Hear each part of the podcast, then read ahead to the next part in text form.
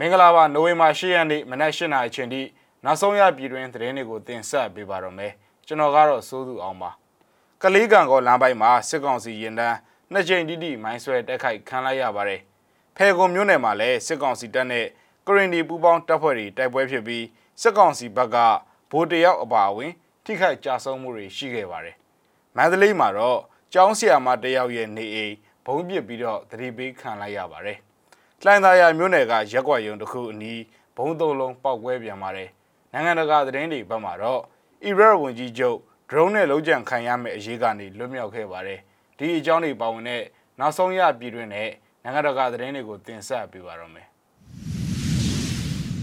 ရှန်ကယားနယ်စပ်ဖဲကုံမြို့နယ်ခေါင်းရီကြီးရွာအရှိတောင်ဘက်တမိုင်ခန့်အကွာမှာရှိတဲ့တောင်ကျောပေါ်မှာအကြမ်းဖက်စစ်ကောင်စီတပ်နဲ့ကရင်နီပူပေါင်းတပ်တွေအကြား နိုဝင်ဘာ9ရက်နေ့မှာတိုက်ပွဲတွေဆက်လက်ဖြစ်ပွားခဲ့ပါတယ်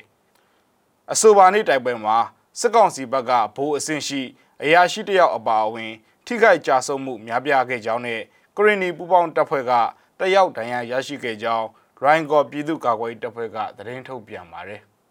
။စစ်ကောင်စီတပ်ဘက်ကလက်နက်ကြီးအလုံးအကျွံသုံးကစစ်ကြောင်းထိုးခြင်းကိုပြုလုပ်နေတဲ့အတွက်ပတ်ဝန်းကျင်နေပြည်သူအများအပြားစစ်ဘေးရှောင်ကထွက်ပြေးနေရတယ်လို့ ထုတ်ပြန်ချက်အရသိရပါတယ်။ဖဲကုံမြို့နယ်အနောက်ဘက်ရှိခေါင်းရီကျွာနာမှာတိုက်ပွဲတွေ၄ရက်ဆက်တိုက်ဖြစ်ပွားခဲ့ပြီးစစ်ကောင်စီတပ်ရဲ့ထိုးစစ်ဆင်မှုတွေကိုကိုရီနီတပ်မတော် KA KNDF KGZ ဖဲကိုမိုးပြဲရိုင်းကော်ဒီမော့ဆို PDF တွေနဲ့အလဲပိုင်းတိုင်း PDF တပ်ဖွဲ့တွေပူးပေါင်းခုခံနေတာလည်းဖြစ်ပါတယ်ကလေးမျိုးဘက်ကနေဂံကောမျိုးဘက်ကိုစစ်ကားအစီးရေ30ကျော်နဲ့ စစ်ကြောင်းထိုးလာတဲ့စစ်ကောင်စီရင်နှန်းကိုနိုဝင်ဘာ9ရက်မှာရောဒေတာပြည်သူ့ကာကွယ်ရေးတပ်ဖွဲ့ YDF ကနှစ်ကြိမ်တတိုင်မိုင်းဆွဲတက်ခိုက်လို့စစ်ကောင်စီတပ်ဖွဲ့ဝင်10ယောက်တေဆုံးက15ယောက်ထပ်မံဒဏ်ရာရသွားကြောင်း YDF ကသတင်းထုတ်ပြန်ပါတယ်။အဆိုပါနေ့မနက်ပိုင်းမှာကန့်ရွာသရနာမှာတစ်ကြိမ်မနက်7:00နာရီခွဲမှာတော့ကြောက်ကူတော်ရတောင်ဘက်မှာတစ်ကြိမ်မိုင်းဆွဲတက်ခိုက်ခဲ့ကြောင်း YDF ရဲ့ထုတ်ပြန်ချက်အရသိရပါတယ်။ ရောဒေတာအတွင်းစစ်ကောင်စီတပ်နဲ့ YDF အကြားတိုက်ပွဲတွေပုံမပြင်းထန်လာနိုင်တာကြောင့်ခီးသွွားပြည်သူတွေအနေနဲ့သတိထားသွားလာကြဖို့ကိုတိုက်တွန်းထုတ်ပြန်ထားပါသေးတယ်ခင်ဗျာ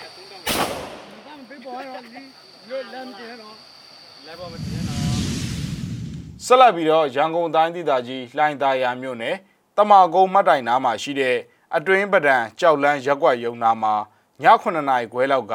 ဘုံဖောက်ခွဲမှုလှုပ်ဆောင်ခဲ့ကြောင်း CGF လှိုင်သာယာကသတင်းထုတ်ပြန်ပါတယ်အဆိုပါထုတ်ပြန်ချက်မှာလှိုင်သာယာမြို့နယ်အသွင်းပဒံကြောက်လန်းရက်ကွက်ရုံအနီးစခလမ်းကြောင်းကိုဘုံသလုံးနဲ့ဖောက်ခွဲခဲ့ပါတယ်ထိခိုက်ဒဏ်ရာရရှိမှုတွေဟာအချိန်ကာလအရစောင့်ကြည့်ဖို့ခက်ခဲတာကြောင့်ဖောက်ခွဲမှုကိုပင်အသိပေးအပ်ပါတယ်လို့ဖော်ပြထားတာလည်းဖြစ်ပါတယ်ခင်ဗျဆက်လက်ပြီးမန္တလေးမြို့ကနန်းစီရီယန်ကျောင်းဆရာမတယောက်ရဲ့နေအိမ်ကို နိုဝင်ဘာ9ရက်နေ့မနက်ပိုင်းက DRM အဖွဲ့ကဘုံနဲ့ပြစ်ပေါက်သတိပေးခဲ့ကြောင်းသိရပါတယ်။နိုဝင်ဘာ9ရက်မနက်7:45မိနစ်လောက်ကပါစီရီယန်ကျောင်းဆရာဆရာမတွေကိုဒုက္ခပေးနေလို့သူ့အိမ်ကိုဘုံနဲ့သတိပေးလိုက်တာဘုံတော့မပေါက်ခဲ့ပါဘူးလို့ Dragon Ranger မန္တလေး DRM အဖွဲ့ကတာဝန်ရှိသူတယောက်ကပြောပြပါဗျ။ဘုံနဲ့ပြစ်ပေါက်သတိပေးခံရတဲ့ကျောင်းဆရာမဟာမဟာအောင်မြေမြို့နယ်83လမ်းနဲ့82လမ်းကြား 36လမ်းနဲ့38လမ်းကြားအောင်ချမ်းအေးရောက်ကကဒေါ်တင်းတင်းရီဆိုသူဖြစ်ပြီးစီဒီယန်ကျောင်းဆရာဆရာမတွေကိုဒုက္ခပေးနေတာကြောင့်သူ့အိမ်ကိုဘုံနဲ့ပြစ်ပေါက်ရတာလို့ DRM ကသတင်းထုတ်ပြန်ပါတယ်အဆိုပါသတင်းထုတ်ပြန်ချက်မှာနောက်တစ်ကြိမ်ညှတာသွားမှာမဟုတ်တော့ပါဘူးဆိုပြီးတော့လည်းပါရှိပါတယ်ခင်ဗျချင်းပြည်နယ်တီးတိမ်မြို့နယ်အာလေရွာနဲ့စူဇန်ရွာကြားကနေဒီတောင်ကျင်းနားမှာအချမ်းဘတ်စစ်ကောင်စီတပ်နဲ့ CDF KKG တပ်ရင်းနှင့်ဇိုဘလန် PDF တပ်ဖွဲ့တို့အကြားနိုဝင်ဘာ9ရက်နေ့ကတိုက်ပွဲဖြစ်ခဲ့ပါတယ်။အဆိုပါတိုက်ပွဲမှာစစ်ကောင်စီတပ်ဖွဲ့ဝင်2ယောက်သေပြီးအများအပြားဒဏ်ရာရရှိကာ BA အမျိုးအစားတနက်နှစ်လက်ဖုံးနှလုံးနဲ့ပတ်စံအချို့တင်စီရမိကြောင်း CDF ကလေးကဘော်ဂံကောတပ်ဖွဲ့ကသတင်းထုတ်ပြန်ပါတယ်။အဆိုပါတိုက်ပွဲမှာချင်းပူပေါင်းတပ်ဖွဲ့ကပြည်သူ့ကာကွယ်ရေးတပ်ဖွဲ့ဝင်တယောက်ကြာဆုံးကြောင်းဇိုလန် PDF က သတင်းထုတ်ပြန်ထားပါတယ်ခင်ဗျဆက်လက်ပြီးတော့လဲနိုင်ငံတကာသတင်းတွေဘက်ကိုသွားရအောင်ပါအီရတ်နိုင်ငံမှာဝန်ကြီးချုပ်မူစတာဖာအယ်ကတ်ဟီမီကိုဒ drone နဲ့လုံးကျန်တပ်ဖြတ်ဖို့ကြိုးပမ်းမှုတစ်ခုပေါ်ပေါက်ခဲ့ပြီးရင်းဖြစ်စဉ်မှာဝန်ကြီးချုပ်ဟာမထိခိုက်ပဲလွတ်မြောက်ခဲ့တယ်လို့သိရပါတယ်။ရင်းနိုင်ငံမှာနိုင်ငံရေးတင်းမာမှုတွေမြင့်တက်နေချိန်နိုဝင်ဘာ9ရက်အစောပိုင်းကဝန်ကြီးချုပ်နေအိမ်ကိုဖောက်ခွဲရေးပစ္စည်းတွေတည်ဆောင်ထားတဲ့ drone တစ်စင်းနဲ့ပြစ်မှတ်ထားတိုက်ခိုက်မှုတစ်ခုဖြစ်ပေါ်ခဲ့တာပါ။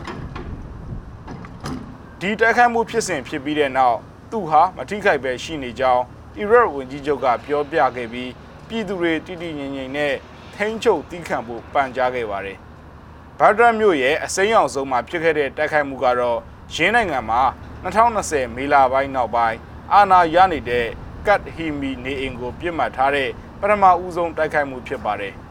အီရတ်ရဲ့နိုင်ငံရေးပါတီတွေကတော့နောက်အစိုးရကိုဘယ်သူကဥဆောင်သွားမလဲဆိုတာနဲ့ပတ်သက်လို့အကျိတ်အနဲ့ညှင်းခုန်မှုတွေရှိနေပါတယ်။ရွေးကောက်ပွဲမှာအီရန်လိုလားတဲ့ဟာရှတ်အယ်ရှာဘီပြည်သူစစ်ကွန်ရက်ရဲ့နိုင်ငံရေးအဖွဲ့ဖြစ်တဲ့ဖာတာမဟာမိတ်အဖွဲ့ကပါလီမန်အမတ်နေရအများအပြားဆုံးရှုံးမှုဖြစ်ခဲ့ပြီးတဲ့နောက်ရင်းအုပ်စုကရွေးကောက်ပွဲရလဒ်ကိုအတူအယောင်ဖြစ်ရှုံချခဲ့ပါတယ်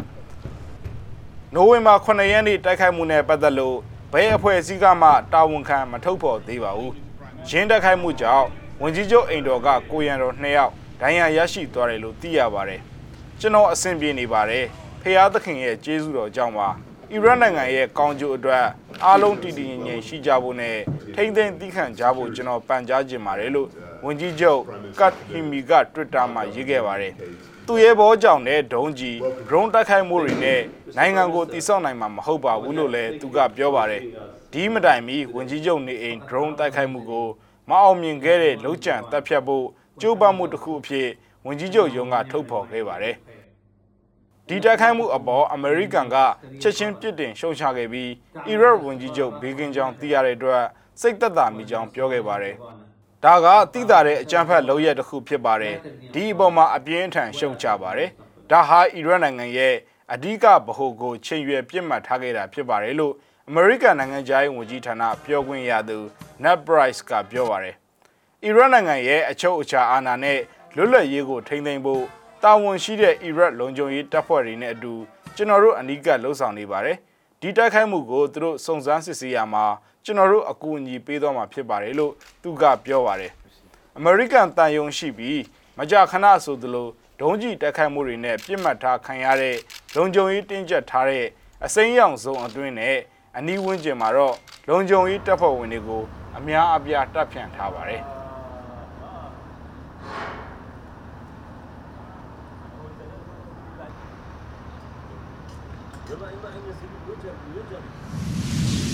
မြစီမရဲ့သတင်းအစီအစဉ်ကိုဒီမှာခဏရနာခြင်းပါတယ်ကြည့်ရှုခဲ့တဲ့မိဘပြည်သူတူးချင်းစီကိုကျေးဇူးအထူးပဲတင်ရှိပါတယ်ကျွန်တော်တို့သတင်းရည်နဲ့အတူတူပြန်ဆောင်ကြပါဦးမယ်